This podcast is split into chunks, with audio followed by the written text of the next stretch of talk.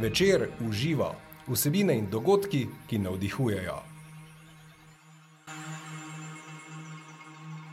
Dobrodošli, dobrodošli, poslušate novo podcast epizodo Večera uživa.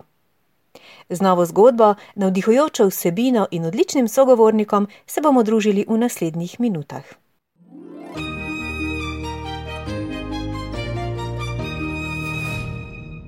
Vam je blizu misel, ki pravi: Uživajte, saj se samo enkrat živi. Ali verjamete, da se rodimo in živimo večkrat? Verjamete v reinkarnacijo?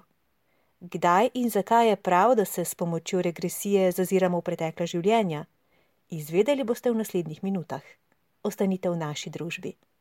Z nami je učitelj meditacije in umetnosti življenja in tudi regresoterapeut Vili Ravnjak. Dobrodošli. Dobrodošli. Kako ste? Hvala, v redu. uh, gospod Vili, ste avtor knjige Lotosov cvet nad vodno gladino. Ta govori o regresiji in karmi. In to bo tudi tema najnega današnjega pogovora. Vaša druga knjiga pa nosi naslov Zen cvetočih češenj, govori pa o meditaciji in sočutju, temah, bomo, uh, ki, o katerih bomo govorili na dogodku večer živo 20. maja v Mariboru. Je tako? Tako je. Torej, gospod Vili, torej mi živimo več življenj. Pa mislim, da. Ne vem, nekateri verjetno to intuitivno čutijo, Aha. nekaterim se zdi to mogoče čudaška ideja.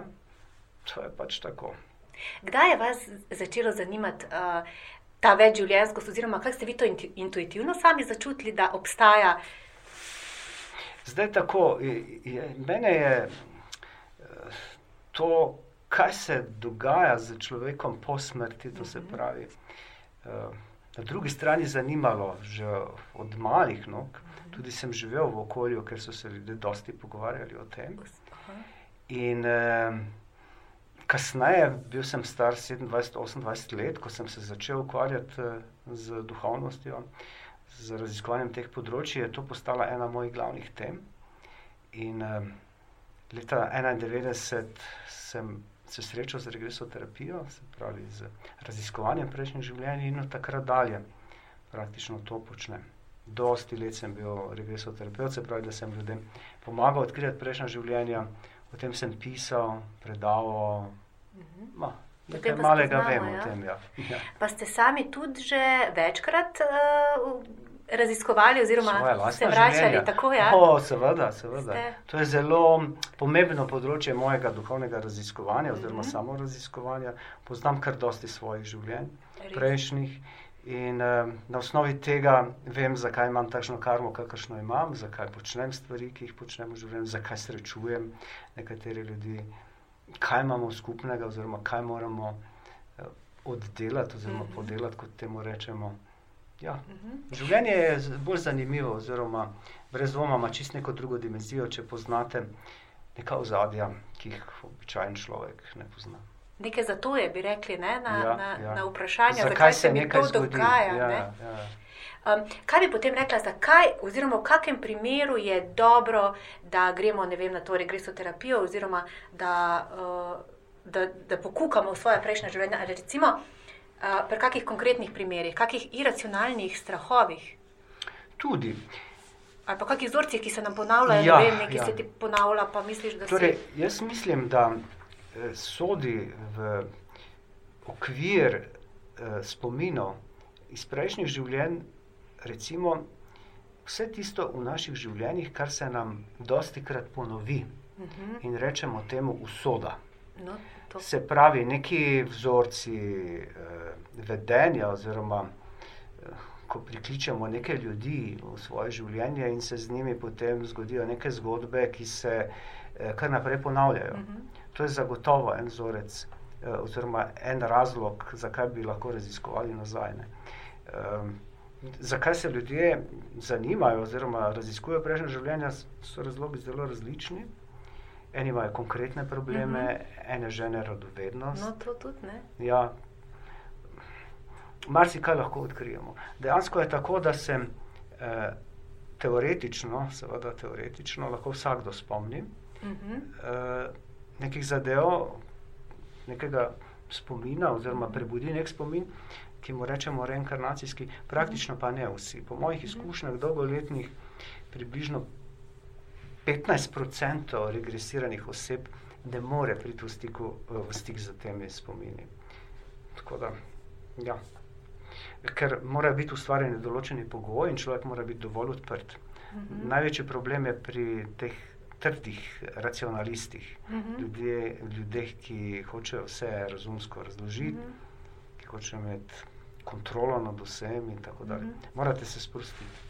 V bistvu oni so tudi z razlogom racionalisti, ne? verjetno tudi kaka, ja, nek, neka, tudi iz prejšnjih življenj, verjetno neka. Uh, neka po mojih izkušnjah, pa tako, ne samo mojih osebnih, tudi izkušnjah, ki sem jih imel kot terapeut z drugimi, praktično eh, danes ponavljamo v največji meri stvari, oziroma usodo, ki smo jo že imeli, oziroma ki smo uh, jih, usodo, ki je bila prisotna z nami v nekaj življenjih nazaj. Uh mhm. -huh. Ampak, um, se pravi, da se nam to ponavlja, ja. ampak ni namen, da mi nekako presekamo te oziroma vzorce, ki se ponavljajo. Uh, Seveda, ja, vem, kaj hočete reči. Ja. Ja. Tukaj sta dve možnosti. Ja. Karma se konča, ko se nek Karma ali usoda. Ne? Ali usoda med dvema človekoma, recimo, ja. da bomo zadevo bolj konkre konkretizirali, se konča, ko se ta energija med njima izteče. Uh mhm. -huh. Bodi si, da je to zdaj dobra energija ali da je slaba. Vi ste skupaj, dokler se ne, te energijske povezave ne izravnajo. Uh mhm. -huh. To se pravi, če imate z nekom negativno karmo, boste pač doživljali negativne stvari, in v določenem momentu, ko se bodo te energije negativne iztekle, se bo odnos končal. Bodi si, da se boste ti dve osebi razšli, ali pa se bo dvignil na višjo raven. Z regresijo, oziroma z drugimi duhovnimi metodami dela na sebi, seveda lahko ta proces pospešimo. Ker to, kar mi uvidimo, uh mhm. -huh. intuitivno, pa potem seveda tudi čustveno prepoznamo, pomeni, da uh, energijsko transformiramo. Uh mhm. -huh. Zato je regresija metoda, s pomočjo katere lahko karmo ali svojo uh mhm. -huh. usodo spremenjamo. Se pravi, iz teh izrazito negativnih uh -huh. oblik uh, usode si napravimo lažje življenje ali boljše življenje. Uh, gospod Ravnja, kaj pa mi spremenjamo? Spremenjamo vzorce, ne? ampak kako jih spremenjamo? Ali to na podzavestni um, ravni? Re, ja, regresija deluje na podzavest. To je v bistvu, se temu rečem, tako kraljevska pot v podzavest, uh mhm. -huh. kraljevska tehnika za preoblikovanje uh mhm. -huh. podzavesti. Ker ta spomin, reinkarnacijski spomin, je prisoten v najglobljih plasteh človekovega nezavednega. Uh mhm. -huh. ne? In to je v vsakem človeku prisotno, in pač pri nekaterih pride tudi spontano, ven, ne občasno. Ne. In uh, da mi usodo lahko spremenimo, se pravi, da lahko se tudi človeka osebno spremeni, pa da se bo njegovo vedenje spremenilo, predvsem pa da začnemo svoje življenje pri, priklicovati druge situacije, bolj pozitivne, moramo priti v stik z to podzavestno energijo. In na tej ravni, ko mi vidimo, kaj smo nekoč počeli, pomeni, da na podzavestni ravni preoblikujemo to ker danes nam tega ni več treba. Ne, tako da je to uh, res globinsko čiščenje podzavesti, to je ajde. Uh -huh. Preprosto tako, povedano, to je čiščenje, kako slikovito. ja, to je, to je regres, regresoterapija. Um, kaj, recimo, kaj se reinkarnira, kateri del nas? A to, v bistvu, to ta podzavestni, ne? to smo zdaj že govorili. Ja. Oziroma, uh, uh, to imamo shranjeno v podzavesti, Aha. ampak po zakonu neuničljivosti energije oziroma sledljivosti energije, ne, se ob smrti pač eh, eh, vse informacije, uh mhm. -huh. ki so posledica človekovih eh, doživetij v življenju in njegovih um, zaznav, uh mhm. -huh. vrednoten, vse te informacije se v trenutku smrti komprimirajo, se pravi, združijo v, v eni točki in se prek eh, kolektivnega astrala prenesejo v zametek naslednje inkarnacije. Uh mhm. -huh. Torej, to, kar se reinkarnira, so v bistvu naše izkušnje, uh mhm. -huh. spomin uh mhm. -huh. na to. Ne? Eh, in ta spomin je zametek za nastanek nove inkarnacije. Mm -hmm. In to se vse dogaja v stanju med smrtjo in ponovnim rojstvom, pre, pred spočetjem. Mm -hmm. Dejansko na spočetje, to se pravi na svoje starše in okolje, kjer se bomo rodili, vpliva naše prejšnje življenje, ne, mm -hmm. ki ga dirigira pač zakon karme. Zakon karme. Ja. E, torej, to je to. Uh, to ste rekli, ne, da pač, um, da prej ste omenili, da ja. uh, odnosi med um, osebami ne, ja, v vsakem ja. konkretnem življenju. Ja. Uh, v bistvu mi uh, se vedno znova reinkarniramo, vse sem prav, reinkarniramo uh, z določenimi dušami. Ja. In res to tudi nekje sem brala, oziroma ko tako malo raziskuješ, da se prej nekako dogovorijo te relacije, kaj bo pred, ja, ja, je to, ja, da se, ja. kar se bo predelalo. Jaz, jaz temu rečem, eh, jate duš. Jate Mi duš. potujemo v jatah duš. In vsi naši prijatelji in naši sovražniki hodijo z nami. In to stoletja in tisočletja. To, se, to, je, to so pa res dolge, dolge zgodbe. Vsakdo se rodi z prijatelji in sovražniki s katerimi se že zelo dosti krat. To je to. Ja, ampak še prej bi rekel nekaj drugega, uh, kar sem prej, uh, ko sem govoril, kaj se reinkarnira, yeah. Ja. pozabo reči. Ljudje imajo tu zelo naivne predstave. Uh mhm. -huh. ne, ne reinkarnira se osebnost kot taka in ne reinkarnira se telo. V, v, v tem klasičnem smislu, ker ljudje mislijo, da v naslednjem življenju bom imel podobno telo kot danes, ali pa bom imel take in take značajske. Ne, to se, to se vedno razstavi na prav faktor, je večina osebnosti izgine, kakor seveda izgine tudi telo, ohranijo pa se informacije. Ja, ohranijo pa se informacije uh, kot spomin na izkušnje in na spoznanja. In ta spoznanja, do katerih človek pride na osnovi življenjskih izkušenj, so modrost duše. Modrost duše. In v zvezi s tem potem govorimo, kako, zakaj so nekateri ljudje bolj modri, oziroma nekateri so tako imenovane stare duše, drugi no, pa so šele na začetku ja. razvoja. Ja. Večkrat, ko se vi inkarnirate, več izkušenj kot imate, eh, bolj raste vaša duhovna modrost. Mhm. Torej, stare duše, to pomeni, da so bile že zelo dosti krat inkarnirane in so v teh življenjih ogromno doživele, tako dobrega kot slabega. Kot slabega ja. In to jim daje modrost. In eni ljudje so modri že v zelo Trojstvo. mladih letih, otroci. kot otroci, eni pa niso nikoli. In praviloma so ti ljudje, ki pač nimajo tega, kako bi rekel, razvitega duhovnega razumevanja, pač bolj na začetku duhovne evolucije. Vi to hitro opazite pri ljudeh, verjetno zaznate. Ne? Ja, dosti hitro. Ja. To se vidi oddalek. Ja, vidim in začutim. uh, ja, um, kaj sem še hotel vprašati? Ja, um, uh, ker mi vse mi roji v glavi, pa se mi kar ja, prerivajo ja, vprašanja, ja, kjer bo ja. prvo, drugo.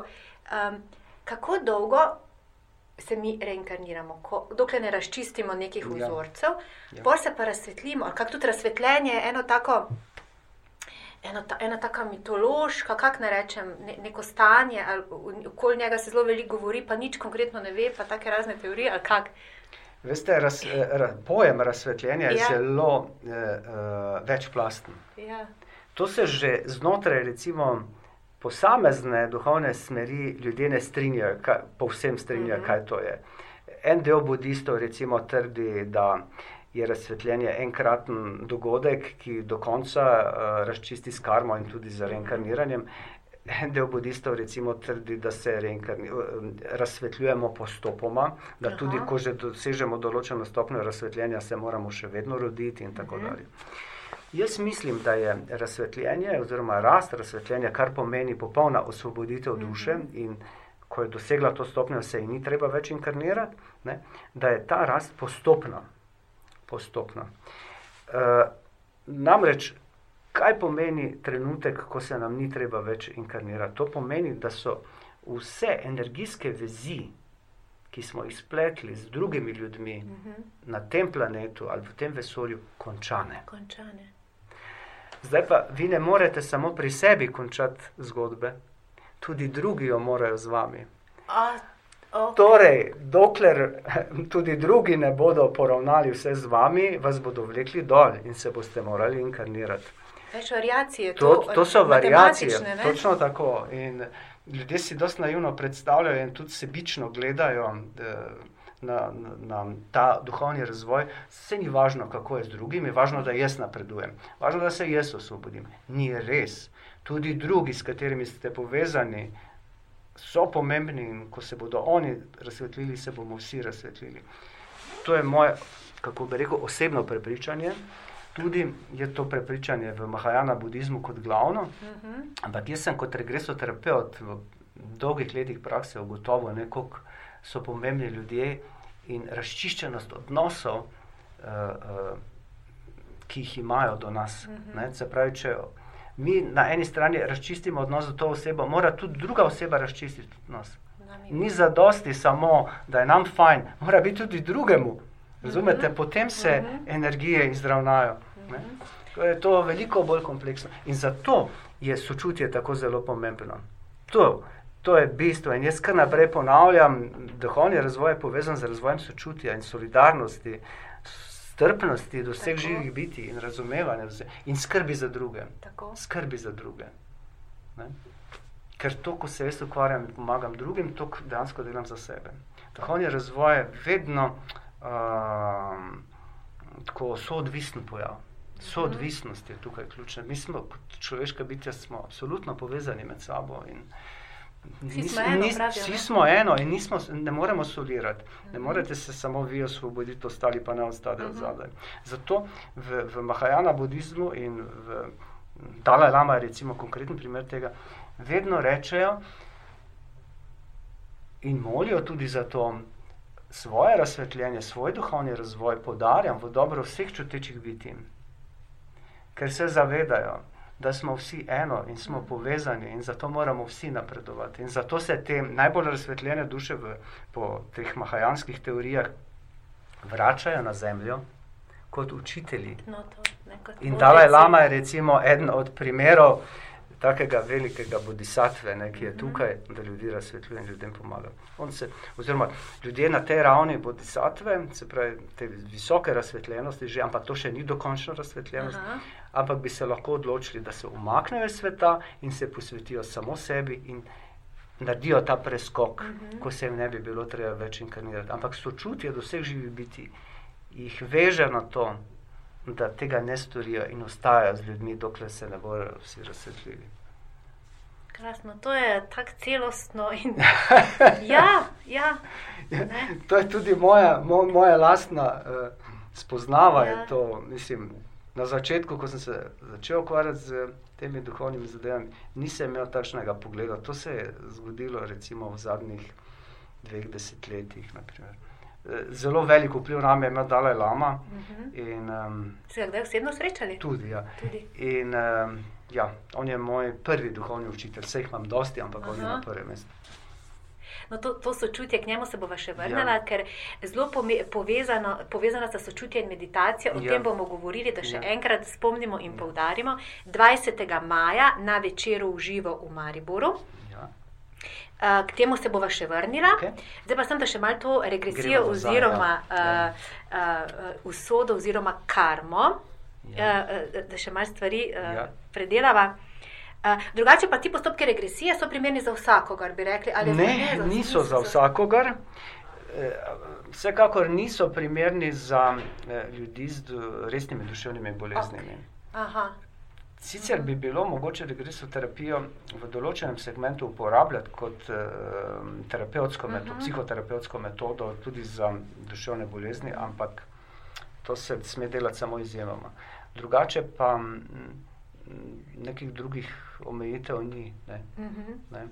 Uh, za ljudi, ki imajo recimo neke osebnostne motnje ali pa jim rečemo mejne osebnosti, za njih je regresija tudi primerna. Yeah. Ja. Ampak morate biti pozorni kot terapeuti, dokot lahko gremo, je, ja.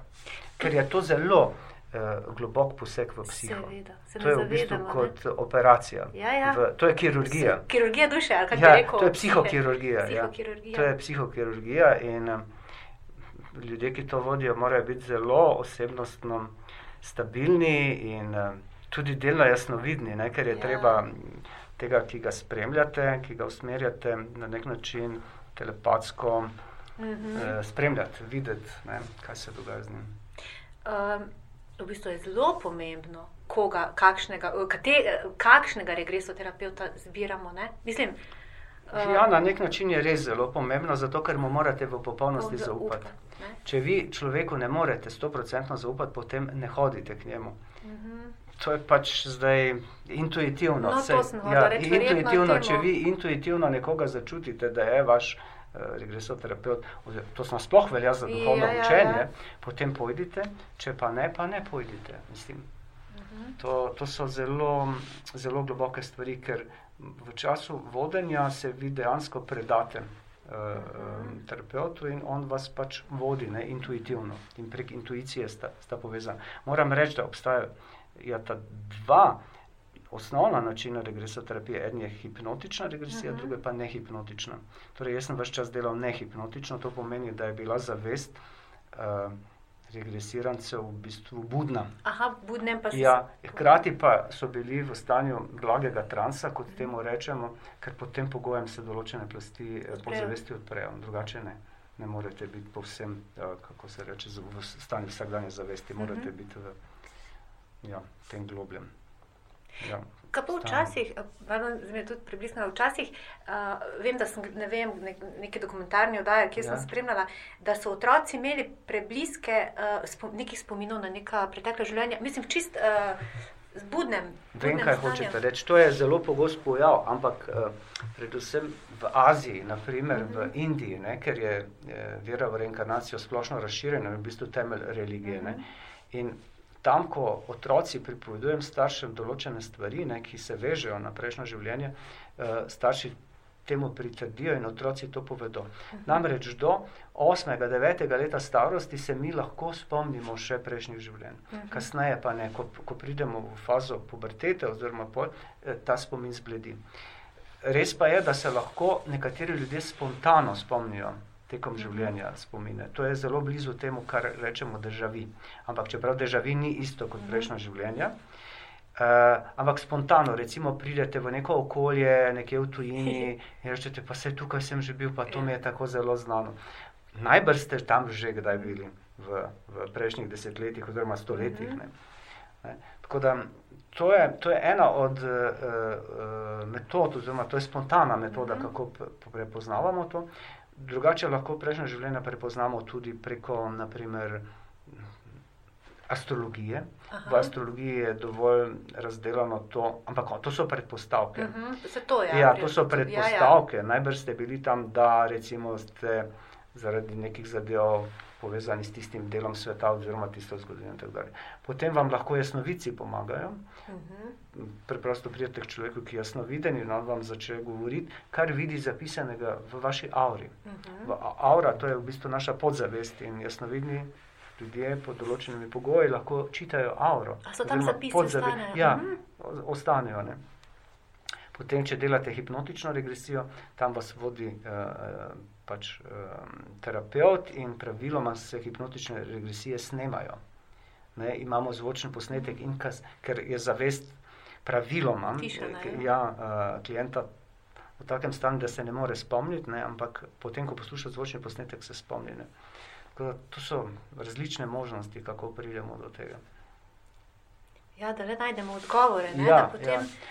Ker jaz mislim, da če vi poznate ozadje, uh, to skrito ozadje, te informacije, ki so vpisane v globinah vaše podzavesti, potem lažje razumete svoje življenje, mhm. -huh. lažje ga spremete, lažje recimo. Greste skozi težave, skozi trpljenje, ker veste, da ima to nek vzrok. Mhm. -huh. Kako ste tudi hvaležni lahko za neke darove, neke dobrobiti, ki jih imate, ker tudi veste, da prihaja odprej. In da je, da je življenje pravzaprav neprekinjeno, uh mhm. -huh. da smrt je samo ena mala zareza v tem tisočletja in sto tisočletja trajajočem razvojnem ciklusu, skozi katerega gre vsaka duša. Tako da izgubite strah pred smrtjo. Aha. Mnogi ljudje gredo na regresijo, ker jih je strah smrti. Jaz bi mogla za to iti. Ja. Ja, in skozi to vidijo, da je to samo en prehod.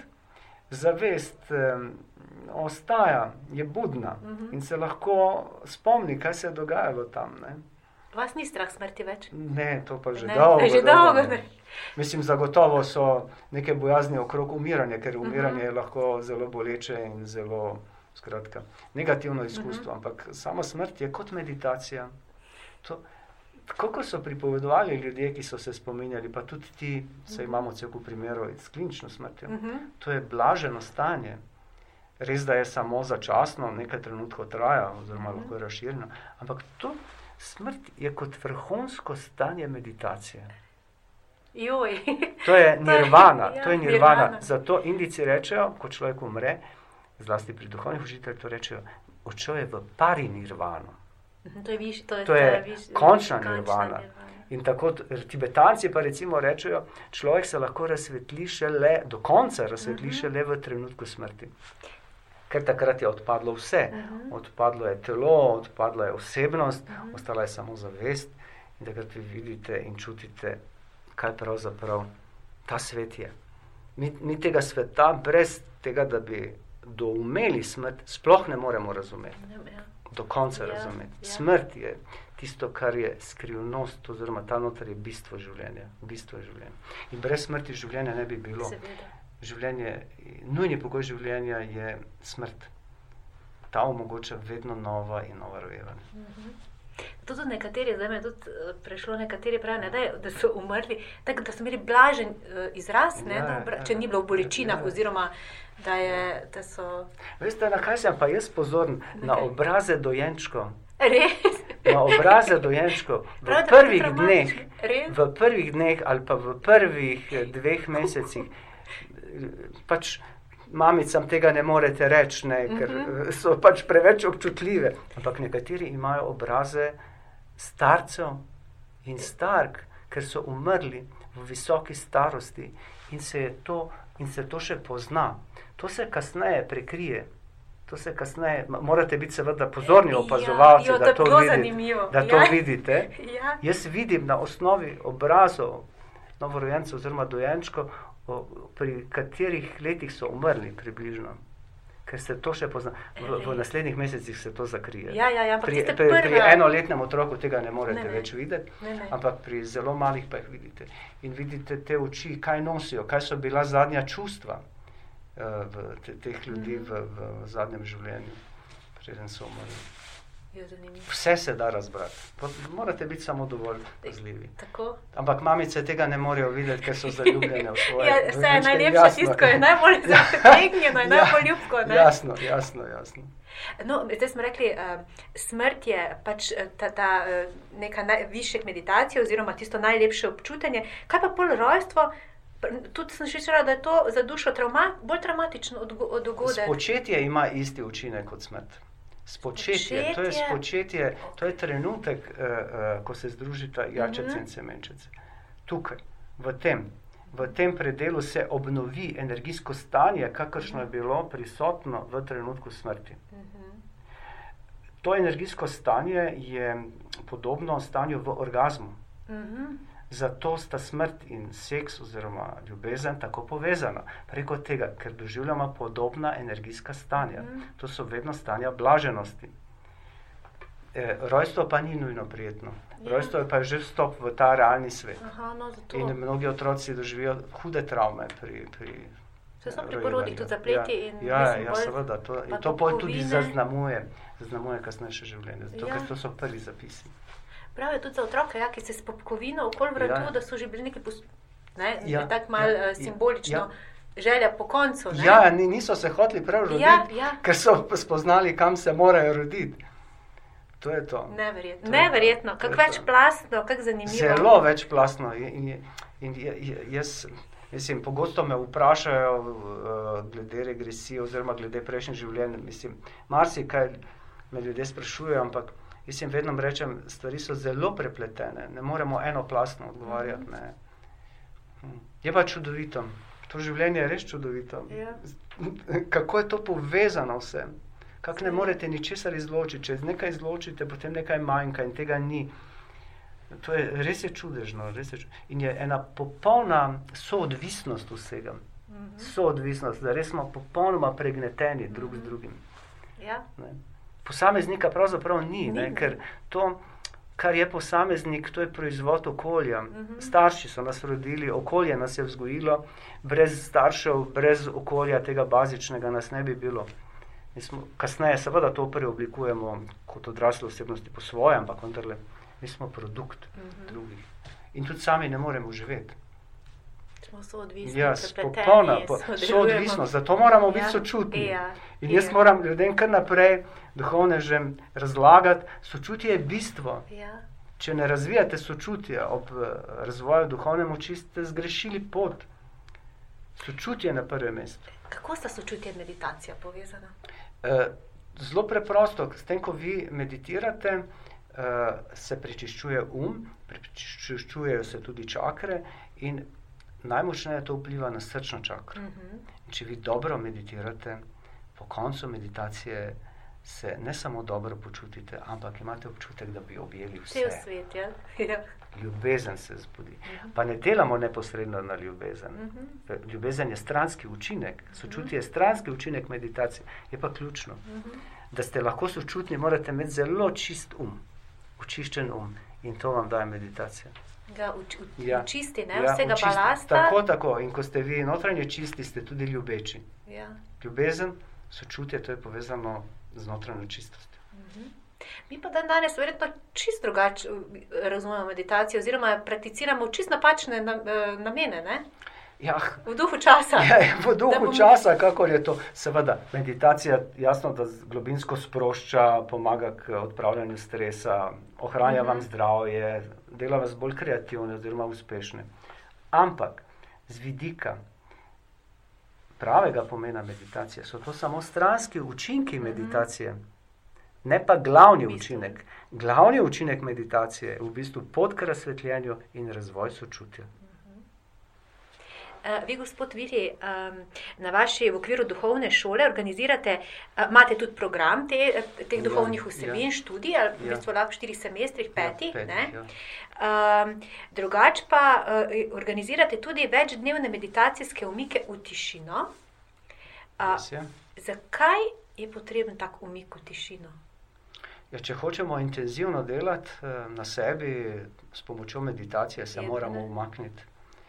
Morate prekiniti začasno stike s svojim okoljem, v katerem ste tudi stike z ljudmi, s katerimi ste vsakodnevno. Morate se soočiti s seboj. Zato na teh meditacijskih eh, umikih eh, ne govorimo med sabo. To, to mi je bilo zanimivo, Ja, brala. popolna zelo- tišina vlada vse čas, niti eh, se ne gledamo. Res. Vsakdo pač hodi svojo pot. Ti retriti so zelo dobro in natančno organizirani, tako da praktično ne more priti do motenj med ljudmi, Mhm. in potem je lahko res vsakdo sam. Ker če se vi, eh, tudi če ste tiho, pa se gledate med sabo, je vseeno veliki energijski prenos. Motnja? Ja, ja, seveda, ker takoj potem si ustvarite neko mnenje o drugem. Ja. Tako pač greste mimo drugega, pa ga niti ne opazite. Ja, ja. Ker morate, da bi res lahko intenzivno delali, ohranjati energijo znotraj svojega auričnega polja. Mhm. Ker, da bi se že razširila zavest, mora biti energija dovolj močna. Mhm. Zato morajo retriti, se pravi, umiki trajati več dni. Program traja zjutraj od šestih, pa zvečer do polnoči, z umestnimi pauzami, seveda. In to so potem pravi treningi. To lahko privede potem tudi do dejanskih premikov, oziroma do teh razsvetljenskih uvidov. Pa je potrebno tu na teh uh, druženjih, je, potrebno kakšno predznanje, ne vem, da že prej redno nekaj meditirajo. Je, ne? Nujno je potrebno Nujno. preznati, to za začetnike ni. Ni. ne. Mislim, Aha. ljudje rabijo pač izkustvo, ker je prezahtevno. Ne. To ni, ni, ni primerno za nekoga, ki bi se še že začel ukvarjati z meditacijo. Mhm. Ne. Osnova pa je zenovska meditacija, se pravi ta tip meditiranja, ki ga jaz učim in je osnova za našo šolo. Vili Ravnjak bo gost večera v živo 20. maja v Mariboru. Karte vas že čakajo na eventimu in v prizitku večera. Vse informacije o dogodkih večer v živo in o naših podcastih najdete na naslovu trikratvojni www.večer.com poševnica v živo in na Facebook strani Večer v živo. Z vami sem bila Maja Furman, srčno in srečno, dok malu.